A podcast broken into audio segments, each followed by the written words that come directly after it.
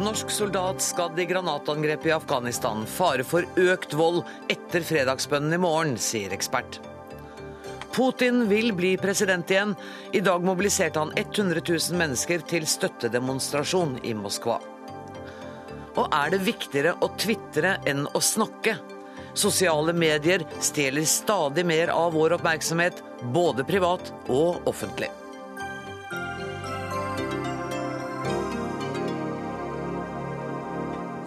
I løpet av sendinga skal vi naturligvis også markere at Sverige i dag har fått en liten prinsesse. Men først skal vi til Afghanistan og demonstrasjonene der. En norsk soldat er altså såret etter at demonstranter har kastet en håndgranat mot den norske leiren i Maimane i Afghanistan. Bakgrunnen for demonstrasjonene er trolig at koraner ble kastet og brent som søppel ved en amerikansk militærleir. Minst 14 mennesker er drept i demonstrasjonene. Og generalmajor og nestkommanderende ved Forsvarets operativhovedkvarter, Morten Lunde, hva skjedde under angrepet i dag? Ja, Det starta en uh, folkeaksjon eller en demonstrasjon mot den norske leiren ca. klokka åtte norsk tid i dag tidlig. Så ble det til halv ett. En mengde på mellom 100 og 200 personer som marsjerte mot leiren. Uh, først i den sydlige delen av leiren vår, ut mot flyplassen. Uh, deretter mot hovedporten. Og demonstrantene kom seg over den ytre ringen vi har, og inn mot den indre ringen. Afghansk politi og afghanske sikkerhetsstyrker kom raskt eh, på plass for å prøve å begrense demonstrasjonen og holde demonstrasjonen tilbake igjen. Og også den norske eh, styrken ble etter hvert involvert gjennom å løsne varselskudd, eh, bruke tåregass og også en del sjokkgranater for å prøve å spre mengden. Hvordan er situasjonen for den soldaten som ble skadd? Han er jo flydd til det tyske feltsykehuset i Mazar-e Sharif og blir operert i leggen for splintskader. Så langt vi vet, så står det veldig bra til med han. Var det flere eh, vestlige nasjoners militærlærere som var under angrep i dag? Ja, altså Over de siste dagene så er det jo flere leirer som har blitt eh, angrepet eller det er blitt demonstrert imot. Det har vært et par leirer i Nord-Afghanistan, men i hovedsak rundt Kabul og i østlige deler av eh, Afghanistan. Forsvarsminister Espen Barth Eide, hvordan er sikkerhetssituasjonen for norske styrker i Afghanistan nå? Ja, Det har vi jo fått se i dag, at den er uh, latent. Og i dag har det vært et, uh, forsøk på å storme leiren som jo da ikke lyktes. Det, det er vi glad for. Det er uh, svært synd at en av våre soldater ble skadet. Jeg er glad at vi kan konstatere at det ikke ser ut til å være veldig alvorlige skader. Men for øvrig så virket jo sikkerhetsopplegget, og det er jeg glad for. Det, var, det er en spent situasjon i Afghanistan pga. det som har skjedd med brenning av koraner. Svært uheldig. Det har vært beklaget både av ISAF og av Obama. Det var jo amerikanere som anklages for å stå bak denne brenningen. Eh, men samtidig så skal vi ikke overdramatisere, fordi at eh, det var altså en folkemengde på 100-200 mennesker, og det er relativt kontrollerbart når de da kommer inn i en godt befestet, eh, inn mot en befestet leir. Ja, Men de klarte altså å forsere den ytterste uh, forskansningen? Det gjorde de, og det får vi lære av. Men altså selve vaktholdet er først og fremst på den, på den innerste siden. Men det er klart at vi skal finne ut hvorfor det skjedde, og hvordan dette kunne skje. Hvordan følger du og dine situasjonen, og hvordan arbeider dere dere i disse dramatiske dagene i Afghanistan? Jo, Jeg har jo fulgt dette løpende i dag, naturligvis. Det er jo operativt hovedkvarter på Reitan som har det operative ansvaret, og som følger det, og som så rapporterer videre til, eh, til meg og øvrig strategisk eh, ledelse. Eh, så, så, vi forbereder oss nå på morgendagen, og at det er fredagsbønn. Historisk så er det ofte på fredag at sånne ting kan skje, så det kan bli en ytterligere spent situasjon i morgen. Samtidig har vi jo fått et forvarsel gjennom det som skjedde i dag, så man vil også da være forberedt på dette. Og det er en del av både trening og øvrig sikkerhetsopplegg at dette er den type hendelse som kan skje. Det er dramatisk, men det er ikke det mest dramatiske vi opplevde i Afghanistan. Det tror jeg er viktig å understreke. Det at eh, president Obama har sendt et brev og bedt om unnskyldning for brenningen av koranene, det er vel en bekreftelse på at det er riktig at det er amerikanske soldater som har gjort det, eller hvordan tolker du det? Ja, det, jeg har ikke noen spesiell mening om det. Dette er altså eh, afghanske arbeidere inne i Bagram-leiren som mener at de har sett eh, rester av brente koraner. Jeg, jeg, har ikke noen annen innsikt i det, men jeg konstaterer at man har vært veldig tydelig på å si at uh, om dette er riktig, så er det høyst beklagelig, og det vil jeg også understreke. Det er et dypt religiøst folk, uh, og det er svært provoserende overfor afghanerne om noe sånt har skjedd. Og så har amerikanerne understreket at de skal sørge for at dette i hvert fall ikke skjer igjen. Så vet vi jo at denne type hendelser blir brukt. Eh, det er jo ikke bare spontane reaksjoner, det er også folk som utnytter dem. Vi har jo hørt det fra Taliban og sikkert også andre grupper. Og erfaringsmessig så vil det holde på en stund, og så roer det seg litt etter hvert til det kommer en ny hendelse. Hvor viktig er denne unnskyldningen fra den amerikanske presidenten? Det tror jeg er viktig, ikke bare for å roe ned gemyttene hos de som, eh, de som uh, griper til vold, men også fordi at uh, veldig mange flere afghanere enn de som måtte gå, reiser seg opp i protest, faktisk misliker veldig sterkt dette. Der tror jeg er veldig viktig å være tydelig på at dette er en type handling man ikke aksepterer. Frilansjournalist Anders Sømme Hammer, du, velkommen tilbake. Du satt i dette studioet i går også, for du bor jo og arbeider til vanlig i, i Kabul. Um, vi hører her at situasjonen er dramatisk, slik som du også sa den var i går. Mm. Hvor stor ser du for faren er nå for at det blir mer vold i forbindelse med fredagsbønnen i morgen? Det vil jeg regne som helt sikkert, at det kommer til å bli voldelig i morgen. Um, det er da den største samlingsdagen i Afghanistan, hvor man da samles ved moskeene. Eh, det her er veldig mange mullaer som er veldig provosert nå etter at Koranen er blitt brent. Eh, det har ulma lenge i Afghanistan. Man har frykta at det ville bli voldelig, altså bryte ut i folkelige opptøyer tidligere. Så det er mange som har venta på det her. Eh, og nå er det i gang, og det er i hvert fall ikke over.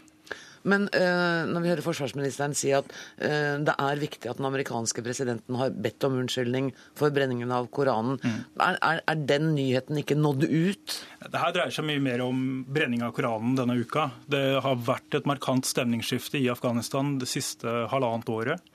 Du merker mye større motstand mot utenlandske soldater og utlendinger generelt. Uh, vi har hatt flere eksempler på spenninger da, de siste månedene. Så det her er det her ikke, dreier seg ikke bare om at nå, mange har blitt krenka for det ble kjent at amerikanske soldater har brent Koranen.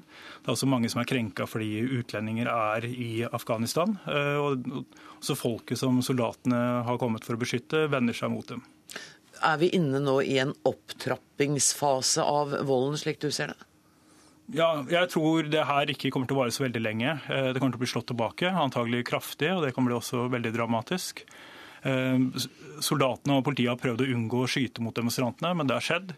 Jeg tror det er det som vil skje nå hvis eh, det er flere demonstranter som, blir, eh, som tyr til vold og bruker våpen. Så kommer det til å bli slått kraftig tilbake. Så vil det være kamper en periode, og så vil det nok være over. Eh, ja, jeg, jeg, jeg, opplevde jo på denne hendelsen i 2006. Det var da den virkelig store angrepet på vår gamle leir, som vi kalte Banken, og som lå inne i Maimane sentrum. Og de hendelsene førte jo til eh, at eh, våre styrker måtte bruke dødelig ild mot eh, noen av de som eh, var i ferd med å brenne ned hele leiren. Den situasjonen vi har sett nå, er mye mindre dramatisk enn den. og Det er viktig å understreke et par viktige forskjeller. Etter den episoden så bygde vi denne nye, mye mer moderne leiren, som er mye lettere å forsvare. Det er mye flere folk der. Og i motsetning til forrige gang, så var altså afghanske sikkerhetsstyrker på pletten og gjorde jobben sin. Og de klarte i denne omgang å gjøre det uten å bruke dødelig makt mot demonstrantene. Og Det er jo eksempler på at den treningen vi har vært med på å gi dem, faktisk virker. Så både at de stiller opp og egentlig bruker sin makt på en slik måte at det altså ikke gjør situasjonen verre. For vi håper det fortsetter slik, men det er i hvert fall fasit for dagen så langt jeg har oversikt over i dag. Til slutt, generalmajor eh, Morten Lunde. Eh, hva gjøres nå eh, for å hindre at demonstrantene igjen skal komme gjennom den ytterste muren, hvis det da blir nye demonstrasjoner i morgen? Ja, Vi eh, forbereder oss jo på at det kan bli en demonstrasjon i morgen etter fredagsbønn, som Hammer eh, påpeker her. Eh, vi organiserer nå vaktstyrken vår og beskyttelsesstyrken vår på en slik måte at vi kan møte en eventuell demonstrasjon så langt ute som mulig. Samtidig så har vi jo kontakt inn mot våre kontakter i det afghanske styresettet, guvernør etc., for å prøve å, å ta dette her ned så langt det, det er mulig på et tidlig tidspunkt. Og I tillegg så er det jo klart at de afghanske sikkerhetsstyrkene som har primæransvaret for sikkerheten i området, eh, også eh, forbereder seg på å møte en demonstrasjon så nærmt byen og så langt mulig fra vår leir som det overhodet blir mulig. Så også de norske styrkene vil være bedre forberedt i morgen enn de var i dag? Det er nok ganske sikkert at de vil være. Tusen takk for at dere kom i studio, forsvarsminister Espen Barth Eide, eh, generalmajor Morten Lunde og journalist Anders Sømme Hammer. Dagsnytt 18 alle hverdager klokka 18.03 på NRK P2.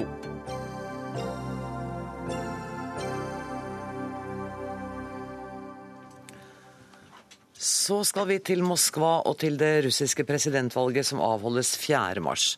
For i dag samlet statsminister Vladimir Putin over 100 000 støttespillere i den russiske hovedstadens gater. Og der var du, Russland-korrespondent Hans-Wilhelm Steinfeld. Vladimir Putin holdt altså også en appell eh, på stadion i Moskva i dag. Hva sa han? Han eh, sa med en klar adresse til Vesten at ingen må prøve å påføre Russland sin vilje. Russerne har sin egen vilje. Den har hjulpet dem til alle tider. Og det ville være en uakseptabel ting dersom eh, Vesten prøver å påpresse sine eh, synspunkter på Russland og blande seg inn i indre forhold. Samtidig tok Putin opp indre eh, forhold sjøl. Han sa at vi må få gjort noe med den lave tilveksten av barn i Russland. Og han snakket om sine drømmer, at lederne i Russland må bli mer lovlydige, at byråkratiet må slutte å herje med vanlige mennesker, og det fikk han applaus for. Ja, og Hvordan har reaksjonene vært i russiske medier etter den appellen? Det klart at Putin får en voldsom overdekning i de føderale TV-kanalene i kveld. Både liberaldemokratene under Vladimir Zjirinovskij og kommunistene under Gennadij Suganov, begge presidentkandidater, hadde også markeringsmøter i dag på Forsvarets dag. Og de får naturligvis bare en brøkdel av den mediedekningen som Putins arrangement på Russlands største stadion får i kveld her i Russland. Tidligere så har vi jo sett eh, store demonstrasjoner mot Vladimir Putin. Hvem er de som har vært ute i gatene i dag, og hvordan er den eh, demonstrasjonen kommet i gang? Ja, altså I Luzjniki var Putins tilhengere veldig mye det vi ville kalle for en middelklasse. Folk som er redd for ustabilitet, redd for en retur til 90-tallet, da Putin mener Russland holdt på å falle fra hverandre. Det mener også oligarken. Det mener om forlatelse også patriarken, lederen for den russiske kirken. Eh, på den andre siden, den liberale opposisjonen, den er jo veldig konsentrert om Moskva og St. Petersburg. Og det dreier seg om godt utdannede mennesker som er blitt veldig slitne av av det halvautoritære regimet som Vladimir Putin innførte først gjennom åtte år som eh, president frem til 2008, og så har han vedlikeholdt det som regjeringssjef de siste fire årene. Tusen takk skal du ha, Hans-Wilhelm Steinfeld fra Moskva. Russland kjenner eh, Ragnhild Holmås. Hvordan vil du karakterisere Putin, Putins valgstunt i dag? Nei, Det var eh, som du sier, et skikkelig valgstunt. Og det er lite trolig at det ville blitt gjennomført hvis ikke Putin følte at han virkelig hadde noe å bevise. Um, så, så, det kan derfor ses på som et slags motsvar til alle disse demonstrasjonene vi har sett uh, siden lenge før jul mot, uh, mot Putin. Um, altså Selv om mange av de som møtte opp i dag, som Hals Wilhelm sier, er genuine Putin-supportere, vi må ikke glemme at han fremdeles har bred støtte i befolkningen, uh, så, så, fremstår han likevel som, som, som litt desperat når det da beviselig eh, mange av de som har stilt opp, uh, har blitt betalt for å stille opp, eller, eller tvunget til å, til å, stille opp. Tvunget av hvem da, f.eks.? Det er litt uklart. Det er veldig mange som har blitt busset inn av arbeidsgiverne sine. Eh, f.eks., som har stått der med store skjemaer og krysset av på hvem det var som, som møtte opp eller ikke. Så, så, i det hele tatt så, så, virker det som om Putin er litt nervøs for, eh, foran valget, men han har da likevel bevist i dag at han sitter over midler til å få det som han vil til slutt. Men, men, har han egentlig noe å være nervøs for? For det er vel ingen andre kandidater som i realiteten truer han nå, er det det? Nei, det er ikke det. Eh, det er fire andre registrerte kandidater. Tre av de er fra, fra Duma-partier som stort sett støtter opp om Putins eh, politikk. Og den siste er da en uavhengig kandidat, denne milliardæren Prokhorov, eh, som, som, det sies får stille kun fordi at han har gjort det i forståelse med, med, Putin. Og Hvis vi ser på meningsmålingene, så ligger de fleste av disse kandidatene på 5-9% mot Putins 55 han kommer til å bli eh, Russlands nye president. Eh, seniorforsker Geir Flikke ved Norske utenrikspolitisk institutt. Eh, forklar oss litt hvordan disse valgprosedyrene er. Altså, Første valgrunde er 4. mars, ikke sant? Det er riktig, det. Altså, og hva altså- skjer da? Nei, altså Da er det jo selvfølgelig et, et valg. Man stemmer på den kandidaten man, man, ønsker seg.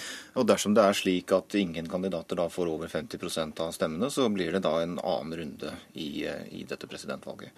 Det skjedde i 1996, da Jeltsin eh, stilte til valg i 1996 bl.a. Det er noen som mener at det kan skje igjen. Og at det er noen usikkerhetsmomenter da, knyttet til valgene som nettopp har med dette å gjøre. Eh, og igjen så er jo dette da et speilbilde av det vi har sett i Duma-valgene, kanskje. Nemlig det at dette store, massive Forenet Russland-partiet, som alle da trodde skulle være liksom den tronstolen som løftet Putin videre i, valget, mistet jo opptil 25% av stemmene i mange av Russlands regioner. Og gjennomsnittlig et sted mellom 18 og 20 i hele Sibir-området, f.eks. Så du vil ikke være villig til å satse årslønna di på at Putin går over med mer enn 50% etter 4. mars? Jeg, jeg ville ikke vært vil satse årslønna mi på noe, på noe som, helst, som helst egentlig. Men, men eh, altså, det interessante for så vidt er jo at det har vært snakket om at det kan bli en, en annen valg, en, en, valgrunde nummer to. Ikke det at jeg tror det kommer til å påvirke utfallet nevneverdig, som, som, det ble sagt her. Så er det jo Putin som på en måte har det, de jevne eh, meningsmålingene når det gjelder tillit. Og jeg har vært inne og sjekket på Levada-senteret f.eks., som er den viktigste organisasjonen for slike meningsmålinger. Og der er det to som topper listen. Det er Putin og det er Medvedev. Så ja. tandemen er der fremdeles, altså. Men, men hvor er Medvedev hen i, i denne valgkampen? Medvedev er jo da denne mannen som skal kanskje ta den litt ulykksalige utfordringen der og så lede en regjering eventuelt. Det får vi jo se etter, etter dette valget. Eh, han har jo vært på en måte en viktig person som eh, har ja, gjennomført denne transisjonen da, fra, fra, fra, seg selv og, og til Putin. Mm. Det var jo egentlig klart for meg at Putin kom til å stille til valg allerede i mai, da han stiftet denne folkefronten som skulle støtte han, og eventuelt også da begynne å jobbe opp mot arbeidsplassene for å sikre at han fikk nok støtte til presidentvalget i mars. Men du, er, det, er, er det noe med språket som har forandret seg nå med forhold til da han var president forrige gang. Jeg, jeg, merket meg i dag at han har sagt vi er en seierrik nasjon. Dette er i våre gener. Ja, der, Nå begynner vi å dreie veldig mot en type nasjonalistisk retorikk.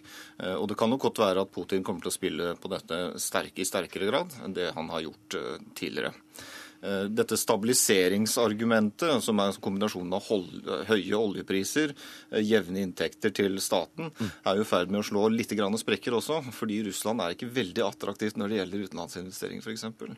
Eh, de har jo kalt seg selv et BRIC-land, men de faller jo veldig dårlig ut sammenlignet med mange av de andre BRIC-landene når det gjelder direkteinvesteringer, når det gjelder økonomisk vekst, når det gjelder populasjon, befolkning og slike ting som det. Så det er klart, For Putins del så vil nok det nasjonalistiske kortet kanskje nå være viktigere. Mm. Ragnhild Holmås, hva tenker du om, om, språkbruken hans? Er du enig i det Flikke sier, at her begynner det nasjonalistiske veldig å, å, bli veldig tydelig? Ja, absolutt. Han har også gasset på når det gjelder antiamerikansk retorikk. Han eh, han anklaget jo disse demonstrantene for å stå i ledtog med bl.a. Hillary Clinton, fordi hun hadde da gått ut og talt deres sak eh, før jul. Det er mulig hun gjorde demonstrantene en liten bjørnetjeneste der. For det er En nylig undersøkelse av dette Levada-senteret, som, som, Geir eh, nevnte, så sier 77% av russerne at de tenker på USA som et aggressivt land, mm. som bare er ute etter å få kontroll over, over hele verden. Sånn at den, den nasjonalistiske følelsen ligger ganske langt framme i bevisstheten hos russerne, er det sånn? Mm. Det er jo i hvert fall en veldig skal vi si, nasjonal stolthetsfølelse da, som de har hatt et behov for. Og Det kunne man jo egentlig forstå etter, umiddelbart etter Sovjetunionens oppløsning. At det ble liksom lagt en grobunn for et behov for å føle seg stolt som ja. nasjon. Det er jo innlysende. Mm. Litt interessant er det å se på dette hvis man ser på det generasjonsperspektiv. Altså En, en 30-åring i dag Eh, var jo da, eh, da Putin kom til makten, tolv år yngre. Det vil si at han er 18-åring, ikke sant. Og Denne 18-åringen gikk gjennom da en periode med jevn økonomisk vekst. Uh, lærte seg betydningen av utdannelse. Fikk et optimistisk kanskje syn på, på, fremtiden som russer. Og så plutselig så befinner man seg da på en, valg, en valgsituasjon. Hva gjør man? Hvem velger man? Velger man Putin? Eller velger man da dette litt som kan fremstå som litt kaotisk? Dette andre litt som man ikke vet helt som man ikke vet hva er. Mm. Eh, kan det bli en følelsesladet, kan det skru seg til å bli ganske følelsesladet fram mot valgdagen 4. mars? Ja, det tror jeg så absolutt det, det, er grunn til å tro. Putin er veldig flink til å spille på, på følelsene til folk, både som eh, patriotisk russer og han har en viss sånn sovjetnostalgi også. Men Kan vi komme til å se både demonstrasjoner for og imot? Kan det bli mer av den type aktiviteter? Ja, det er iallfall eh, varslet det. Og vi har sett det for, for hver demonstrasjon så er det en eh, motdemonstrasjon. Og det er folk som demonstrerer mot at noen demonstrerer for, og sånn, sånn har vi det gående. Så det er all grunn til å følge med neste uke frem mot valget. Ja, jeg vil legge til der og bare si at det som bekreftes nå, er at Russland er et presidentstyrt mm. system. Mm. Og de motdemonstrasjonene vi så etter Duma-valgene, det var altså demonstrasjoner som var fremkalt av at Forent Russland mistet stemmer. ikke sant? Folks eh, forventning sank. Men nå er det full mobilisering. Nå er det altså presidentembetet det gjelder. Mm. Det blir i hvert fall spennende å følge med og se resultatet den 4. mars. Tusen takk for at dere kom i studio, Russland-kjenner Ragnhild Holmås og seniorforsker ved Norsk utenrikspolitisk institutt, Geir Flikke.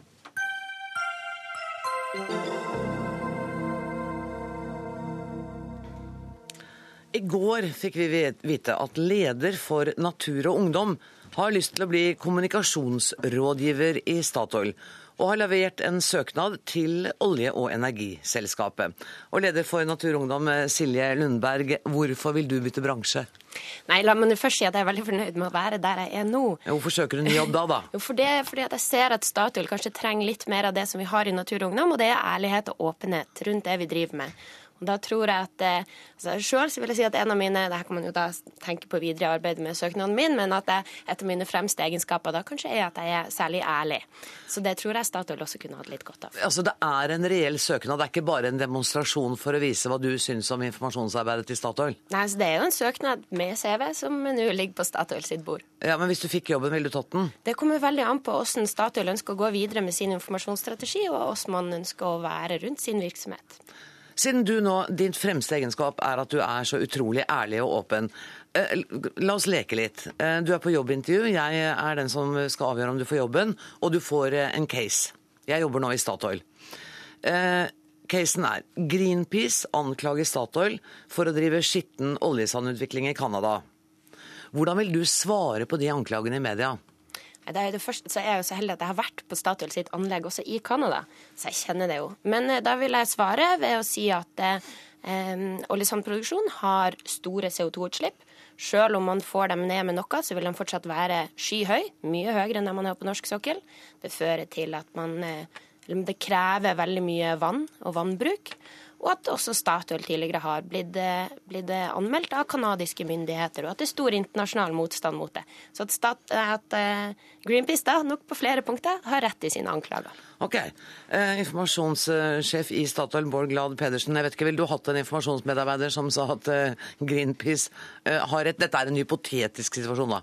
Ville du vært fornøyd med en sånn informasjonsmedarbeider?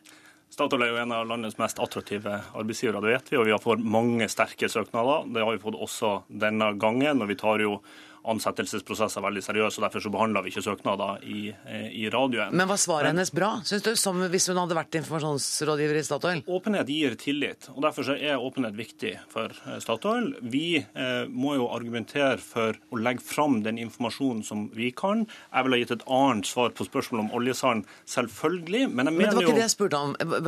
Ville du akseptert at en av dine medarbeidere gikk ut offentlig og sa at her har Greenpeace helt rett? Selvfølgelig er det sånn at eh, vi i Statoil beslutter sjøl hvilken informasjon vi eh, går ut med. og Det, er et annet svar enn det eh, hun gir. Vi er jo åpne om vår virksomhet fordi at det gir tillit. Eh, et eksempel på det er jo det som hun sjøl var inne på, nemlig at hun har vært og sett på Statoils anlegg, invitert av Statoil, da hun sjøl jobba i Bellona. Det er jo et eksempel på at vi er åpne om vår virksomhet, ønsker å vise fram vårt anlegg for å gi eh, kunnskap eh, om det. Og det er jo interessant, eh, Silje Lundberg, for noe av din kritikk går jo på dette hemmeligholdet, at man ikke er åpen og at ting skjer i lukkede rom. Men nå sier jo Dagla Pedersen at eh, det er ikke riktig. Men vi vet at ting skjer i lukka rom. Og selv om oljeindustrien har blitt bedre på det her med årene og også liker å vise fram eh, sine prosjekter, så vet vi at det fortsatt skjer. Og det er et eksempel på det. En konferanse som gikk av for ikke så lenge siden for oljebransjen, som er en lukka konferanse hvor oljebransjen har fri tilgang til norske politikere uten at verken media eller frivillige organisasjoner får være til stede. Så at det fortsatt er, er litt sånn hemmelighold, det mener vi at det fortsatt er. Eh, og så kommer det også til å for, ordentlig å fortelle om det man faktisk driver med, og de konfliktene som faktisk er knytta til også norsk olje- og gassvirksomhet. Jeg tror deler av uh, årsaken til kritikken er at Natur og Ungdom forveksler manglende åpenhet med manglende enighet. Uh, det er overhodet ikke hemmelig hva vi driver med. Vi er jo så åpne med det som vi klarer. Vi kommer alle de stedene der vi kan få lov å fortelle om det, inkludert til Dagsnytt 18. Men denne eh, konferansen som jeg refererer til nå, hva er det for noe? Det er en konferanse som ikke er arrangert av, av oss, og som var nylig. Det er en bransjekonferanse som det er riktig at ikke var åpen eh, for media. Det tror jeg er vanlig i ganske mange bransjer at det også finnes den type konferanser. Men vi er jo åpne om alle sider av vår virksomhet. Og vi er åpne om vårt syn på ulike politiske spørsmål som myndigheter eh, tar stilling til. Så sent som i denne uka så sa jo Transparency International, at, uh, som er opptatt av åpenhet, og som nettopp har kunnskap om det, at Statoil er en av de beste i klassen eh, på åpenhet i internasjonal oljebransje. Fordi at vi forteller så detaljert om vår virksomhet i de enkelte land der vi opererer. Men, men eh, Glad Pedersen, kunne det vært en idé å ha et enda tettere samarbeid med naturvernorganisasjonene for å få bedre innspill, bedre argumentasjon og enda større åpenhet? Ja, Vi er positive til å ha et eh, tett samarbeid med miljøbevegelsen. Det oppfatter at vi i mange saker eh, har. Et eksempel på det er at vi inviterte miljøbevegelsen til vårt oljesandanlegg. Så vi ønsker eh, dialog med dem. Jeg tror at um, Litt av grunnen til at de er uenige med vår virksomhet, er at uh, de fokuserer utelukkende på de globale klimautfordringene. Mm. De er viktige. Men vi er nødt til å også møte globale energiutfordringer. En voksende befolkning der stadig flere finner veien ut av fattigdom, må ha energi. Derfor må vi både fremskaffe energi og gjøre det på en stadig mer klimaeffektiv måte. Det er Statoil eh, god på, og vi vet at olje og gass kommer til å være viktige deler av verdens energiforsyning i mange mange tiår fremover. Silje Lundberg. Det som er Problemet med det her er jo at altså, Statoil er et energiselskap, men likevel i hovedsak så er jo virksomheten deres dreid rundt olje og gass. Og Det er det som er også det problematiske, at man ikke ser ordentlig hvordan fremtidsbildet faktisk må være hvis vi skal ta klimautfordringen på alvor. For ja, verden trenger energi, men verden den trenger ren energi. Det kommer til å bli mer fornybar energi i verdens energimiks fremover. Derfor investerer jo også Statoil i, eh, i, det. Men verden kommer til å trenge eh, olje og gass i betydelige mengder i overskuelig framtid. Og fordi at den olja som vi produserer fra de feltene som i dag er i gang, kommer til å gå ned. Produksjonen fra de kommer til å gå ned etter hvert som de tømmes. Så er vi nødt til å finne ny olje for å gi den forsyninga vi trenger. Faktisk fram til 2035 så må vi finne fem ganger, eller sette i produksjon fem ganger så mye som Saudi-Arabia eh, produserer i dag. Derfor jubler vi når vi gjør store funn på norsk sokkel blant verdens reneste olje. Det gjør ikke eh, Naturungdom. Jeg vil tilbake til utgangspunktet for dette. Dere har altså fått en søknad fra leder av Naturungdom, Silje Lundberg. Eh, jeg skjønner at du ikke skal behandle søknader i dette studio. Men har du noen gang fått en søknad som er etterfulgt av en pressemelding om at vedkommende har søkt? Nei, det kommer jeg ikke på at vi har fått, og det viser vel at her er det også forsøk på å starte en diskusjon. Det er jo et helt legitimt mål. og Derfor så stiller vi også opp i den diskusjonen. Men uh, hvorvidt hun får jobben eller ikke, det kommer ikke til å bli avklart eller antydet til dette studio. Tusen takk for at dere kom, Silje Lundberg, leder av Natur og Ungdom, og Bård Glad Pedersen, informasjonssjef i Statoil. Hør Dagsnytt 18 når du vil, på nettradio eller som podkast. nrk.no – dagsnytt 18.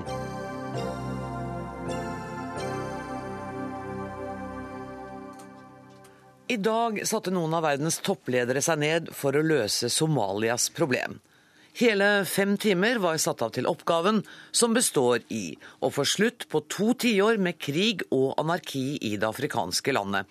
Og korrespondent i Storbritannia, Gry Blekastad Almås, hva er blitt sagt etter konferansen i dag? Ja, nei, Det å redde et land fra undergang på fem timer, det er som du antyder en formidabel eh, oppgave. Eh, verten her, eh, David Cameron, denne konferansen har funnet sted i London, eh, snakket om å gi eh, det de kaller verdens mest mislykkede land en ny sjanse.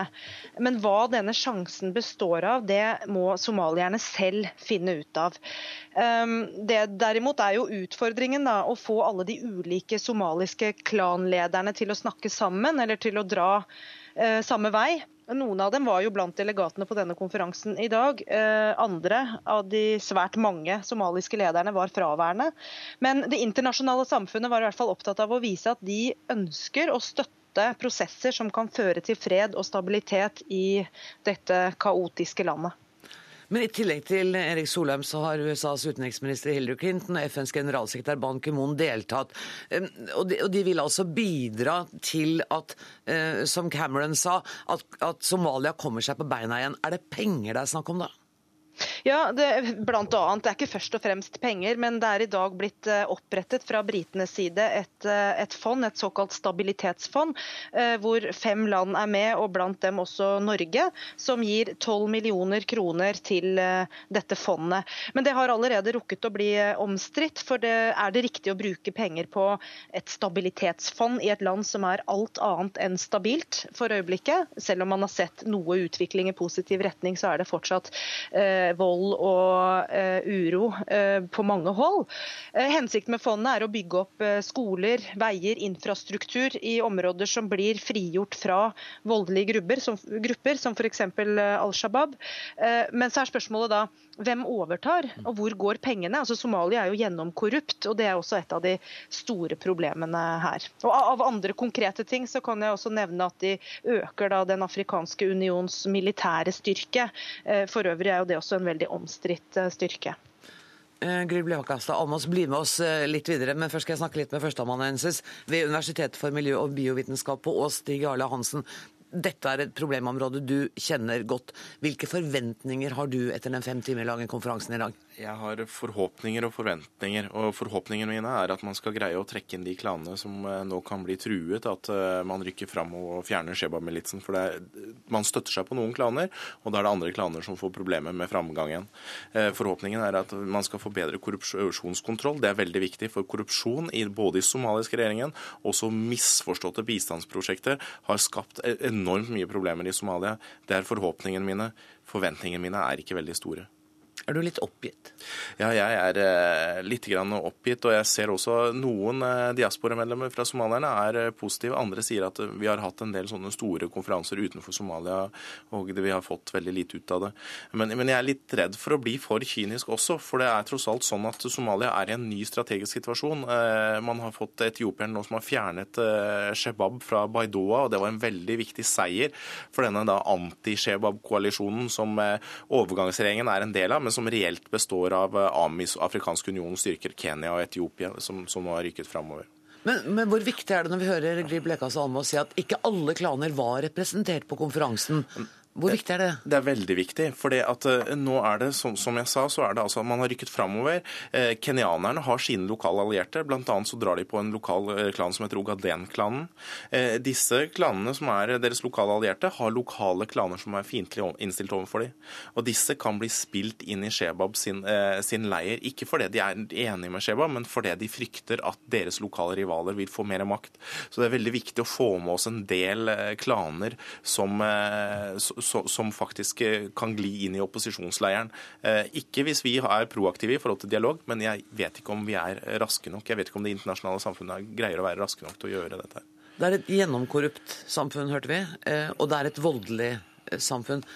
Hva tenker du av tidsperspektiv på en demokratiseringsprosess, en fredsprosess, og ikke minst en prosess uten, uten korrupsjon? Det er veldig vanskelig å si. og det, det, det må begynne med, det er at folk faktisk kommer seg til stede og er på bakken i Mogadishu. Blant annet så må FN ha en mye større tilstedeværelse. Nå har vi sett at FN har trappet litt opp, men de må være der i mye større grad istedenfor å sende penger rett inn. Og så må jeg jo si veldig raskt da, at det er jo deler av Somalia som er ganske stabilt. Hvis du ser på Somaliland, så har de en veldig fri presse, og de har hatt nå eh, tre forskjellige frie valg som har blitt anerkjent av internasjonale observatører, så det er en del av Somalia som har stabilisert seg, mer eller mindre. Og Det er jo også en annen frykt, at vi destabiliserer ved å trekke det inn i disse store konferansene destabiliserer en del av Somalia for å fikse en annen del av Somalia som kan være vanskelig å fikse. Og da er man kanskje like langt. Men, men Gry Blekastad Almås, eh, her, ble nevnt FN og FN-styrker. Hvor viktig var det på konferansen i dag, eller vet du noe om det? Nei, altså Det er jo de, Den afrikanske unions uh, styrker, men, men, som på en måte er godkjent av FN, uh, som er veldig viktige i, i, denne saken. og Der har man jo da uh, bestemt seg for å øke fra 12 000 soldater til nesten 18 000. Så det er jo en ganske stor økning. Men som jeg var inne på, så er jo disse soldatene også veldig omstridte, fordi de kommer fra Somalias naboland, som til dels har vært i konflikt med Somalia, og som dermed er veldig altså provoserende på en del av den somaliske befolkningen. og som også også til dels ikke forholder seg til internasjonale menneskerettigheter og begår, påstås det, i hvert fall grusomme handlinger mot det somaliske folk. Så denne styrken som, som man, det internasjonale samfunnet nå er med på å øke, den er ikke bare godt mottatt, for å si det sånn, blant somaliere på bakken. Dette, dette var det også demonstrasjoner i forhold til utenfor dette konferanselokalet i London i dag. Mange eksilsomaliere i England som hadde møtt fram for å, å demonstrere mot denne konferansen, som de mener er feil. Mm.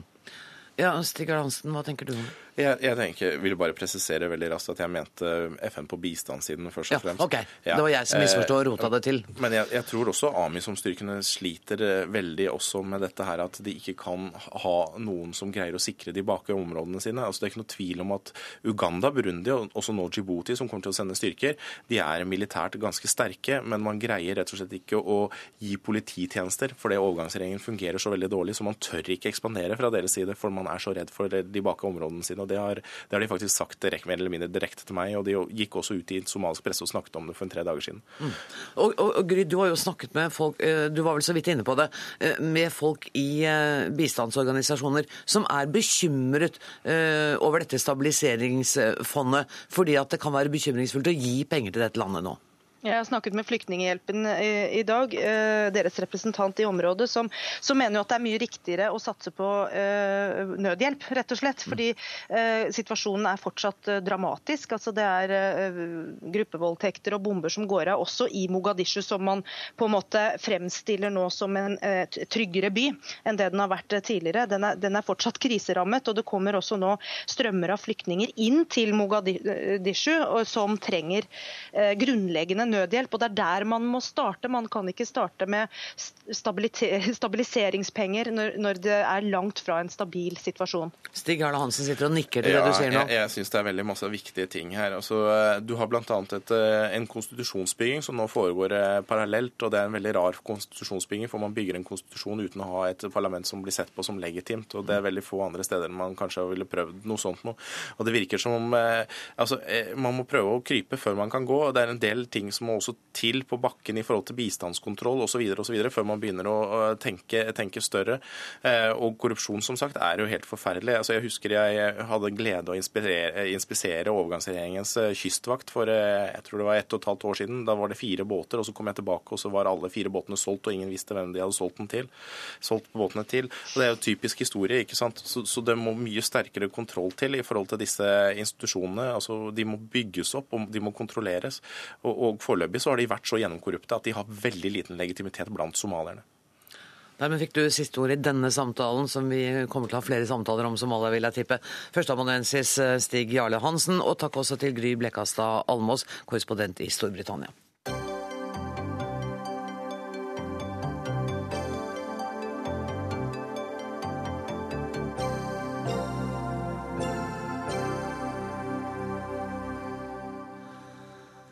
Sjekker du Twitter eller Facebook flere ganger i timen? Føler du trang til å sjekke smarttelefonen mens du snakker med andre mennesker?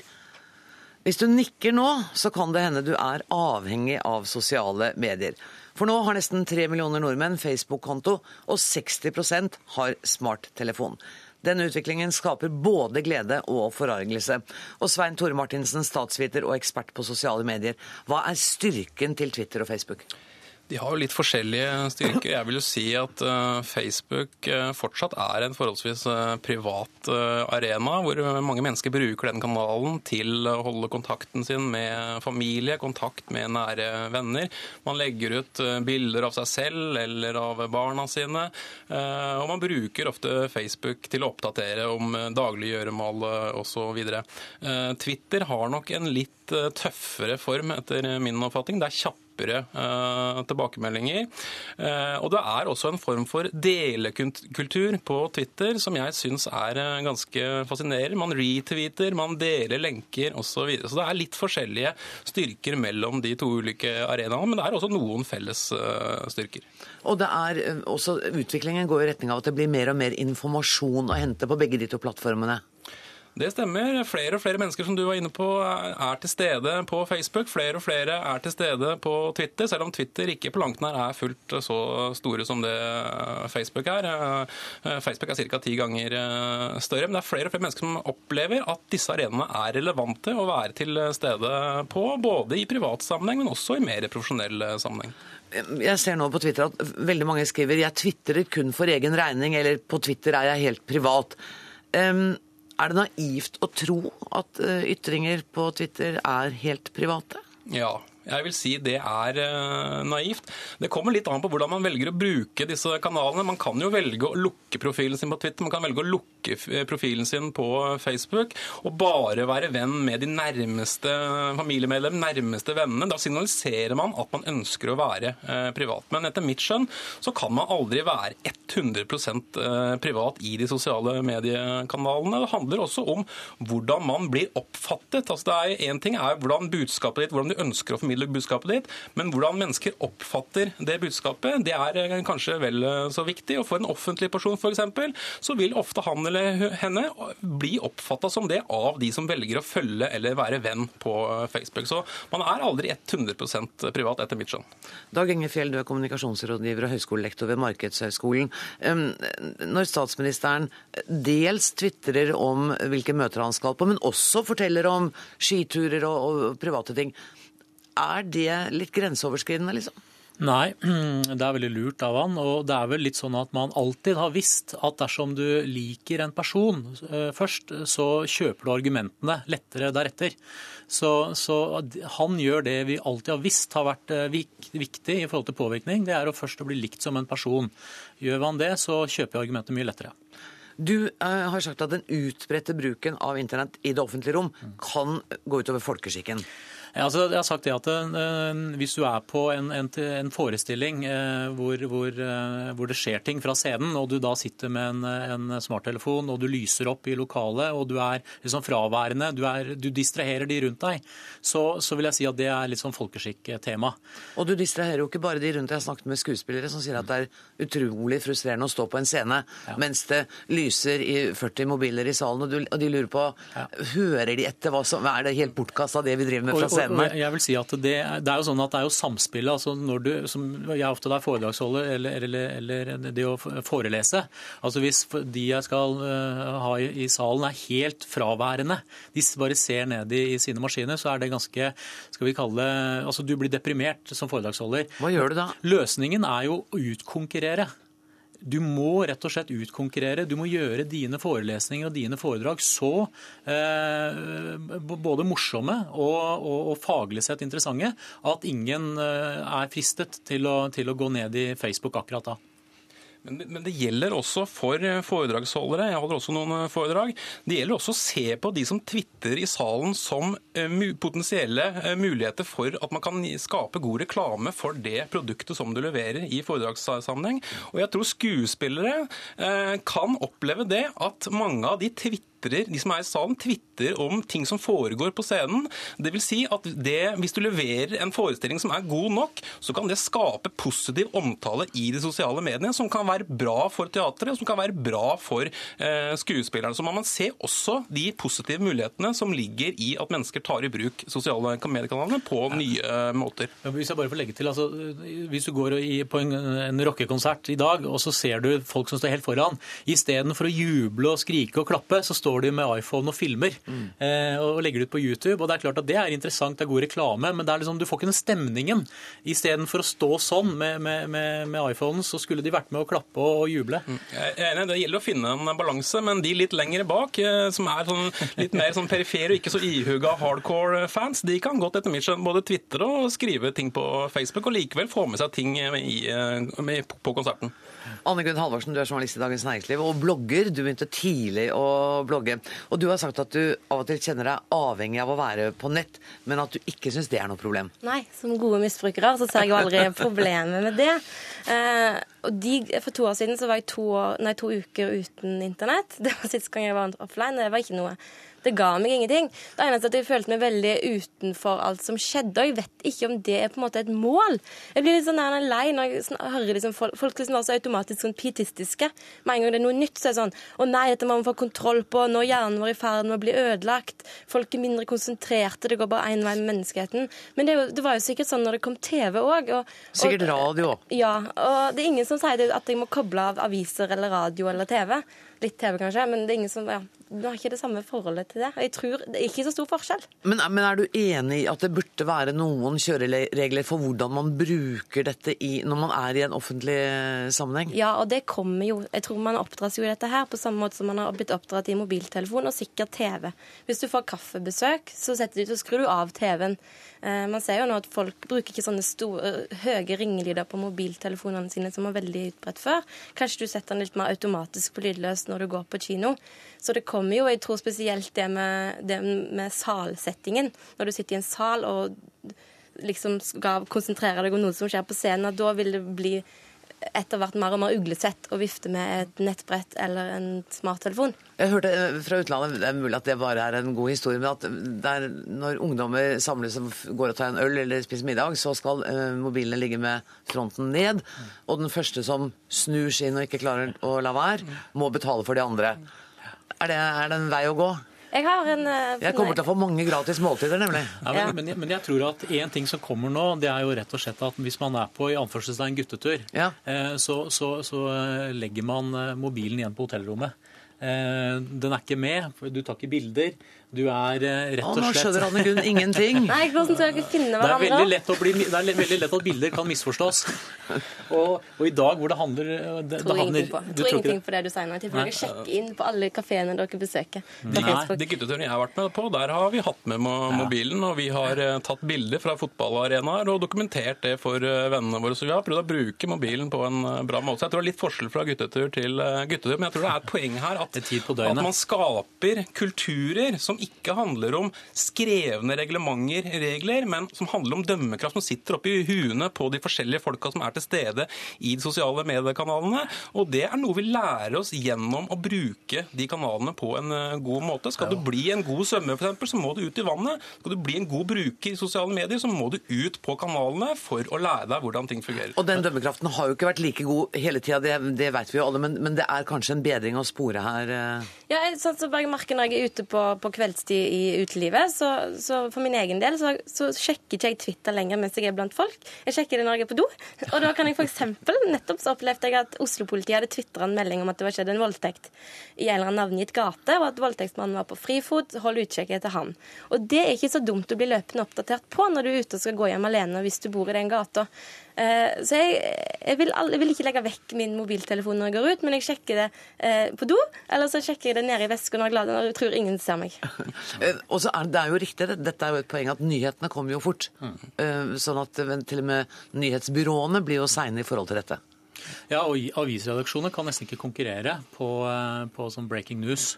Eh, i den forstand at de, fordi Avisredaksjonene føler seg bundet til å sjekke alle ting før de kan sette noe på trykk, komme ut med noe. og Der er jo privatpersoner eh, eller folk som har hørt noe, eh, mye friere. Men, men, men jeg vil si tilbake til det poenget. altså jeg tror, jeg tror Noe av det mest slitsomme som, som, er, det er å være på reise sammen med noen som er Facebook-avhengig.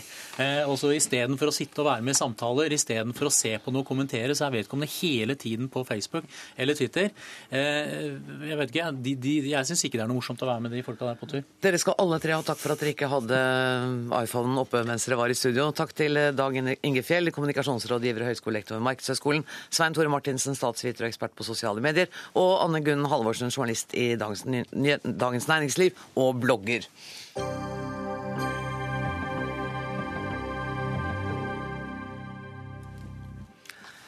Og Sverige står naturligvis på hodet etter at de i natt fikk en ny tronarving.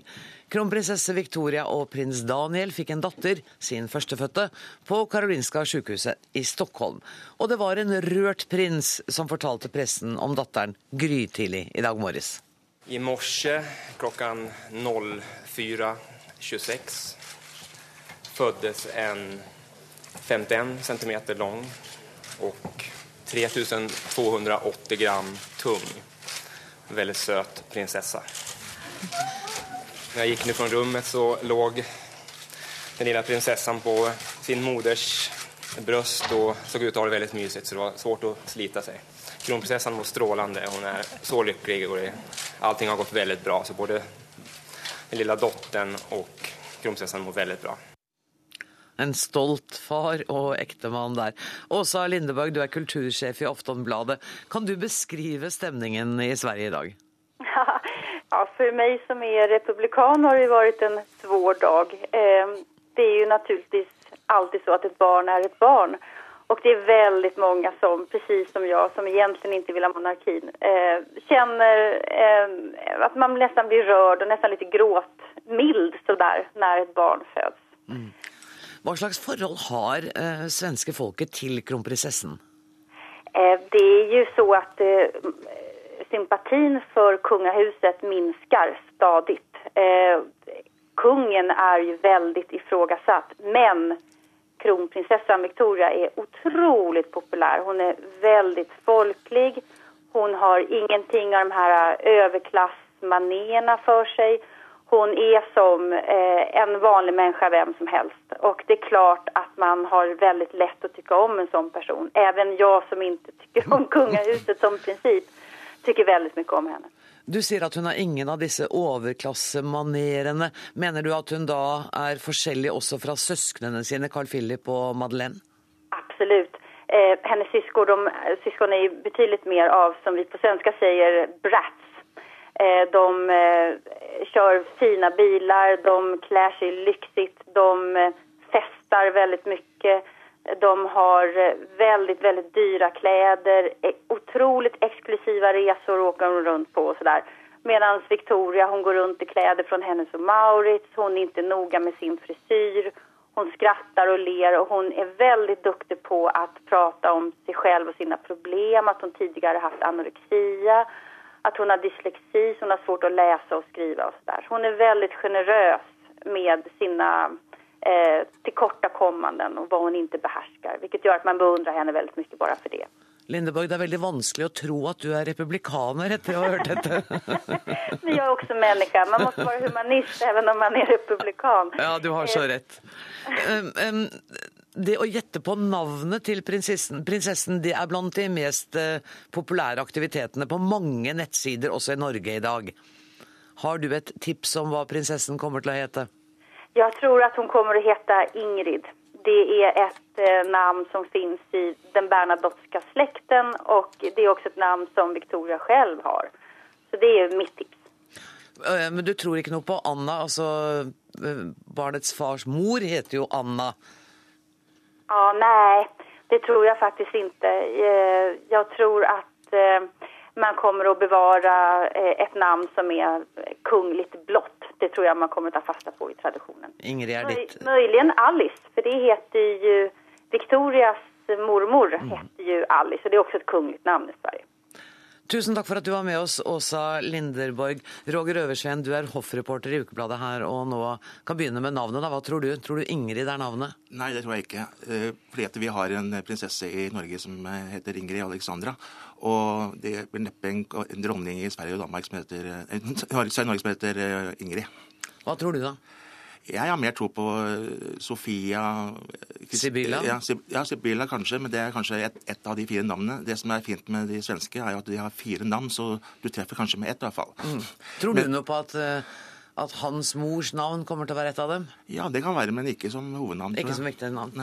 Um, hva tror du denne fødselen betyr for det svenske kongehuset og for deres anseelse i folket? Jeg tror det betyr enormt, fordi at eh, etter bryllupet i Sverige i 2010, så gikk populariteten ned. Hvorfor det? Stikk i strid med det som skjedde i Danmark Ja. og, og i Norge. Eh, og det var ganske merkelig. Men det skyldtes jo selvfølgelig at eh, kronprinsparet i Sverige fikk en verst mulig start ved at eh, prinsesse Madeleine brøt forlovelsen bare noen måneder før eh, de skulle gifte seg. Og mens de var på bryllupsreise, så kom da historien om at prins Carl Philip hadde blitt eh, kjæreste med en eh, tidligere nakenmodell og Paradise Hotel-deltaker. Og det var jo ikke akkurat eh, bra for kongehuset, tror jeg. Og så har det jo vært litt uro omkring kongen selv. Det har det vært ganske mye uro om kongen selv. Og det er klart at den påståtte, hans påståtte flørting med både det ene og det andre, det tror jeg nok også har ødelagt. Dessuten tror jeg at, at, kongen i Sverige har, i motsetning til vår konge, ikke vært flink nok til å modernisere kongehuset og bli det mer folkelig, som også min kollega i Sverige sa. Jeg tror at det norske er mer folkelig, og at det gjør at, at det står sterkere enn i Sverige.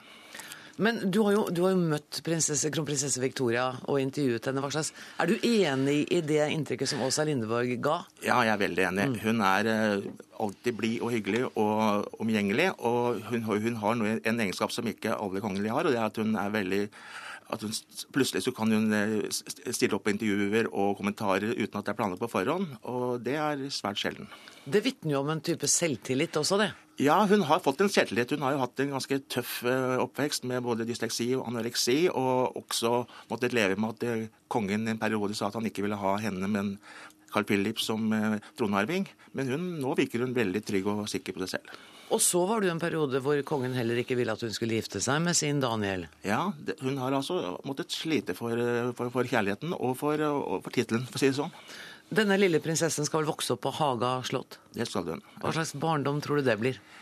Jeg tror nok at det blir en, en kanskje en eh, mer moderne og, og, mer åpen eh, oppvekst enn hun Victoria selv har hatt. Fordi at eh, jeg vet at både den danske og den norske kronprinsparet og det svenske kronprinsparet de har et nært forhold. og både danske og, og norske er jo mye mer moderne enn sine foreldre. Gleder du deg til neste gang, eller første gang du skal se den lille prinsessen? Ja, det gjør jeg. Tusen takk for at du kom til studio, journalist Roger Øversveen i eh, Her og nå. Dermed nærmer det seg slutten på nok en Dagsnytt 18-utgave. Ansvarlig i dag har vært eh, Sara Victoria Rygg. Det tekniske ansvaret har Karl Johan Rimstad. Jeg heter Anne Grosvold, og vi kan høres igjen i morgen klokka 18.03. Takk for nå.